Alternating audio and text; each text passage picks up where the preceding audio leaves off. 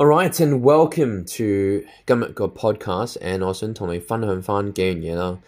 Well，你都知道，如果你有睇翻我 replay for 关于个 mindset coaching，都会讲清楚 C I C O 系乜嘢啦。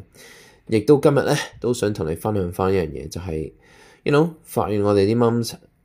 有啲有样嘢你要知嘅，like 可能哦，你啲嘢做齐晒，三至四次运动做得好，剧烈嘅，very good。有三十分鐘，very very good fantastic，但係，誒，you know，你你自己鋪前錢又 hit 到，但係點解都係 stuck 咗喺度咧？係咪會唔會係鐵質問題好攰咧？Right，咁我哋都有了解我哋啲蚊豬嘅情況嘅，但係第一樣嘢就係你可能食咗啲嘢咧，你唔知道裡面有 hidden calories 嘅，例如。杏仁，right，杏仁都好高 calories，right，nuts 都好高高 calories，Queen 話都有好高 calories，咁你可能唔知道呢啲 hidden calories，記得係冇魔術嘅，其實你出 like calories，你食得太多 of course 你就會 s t u c k 咗喺度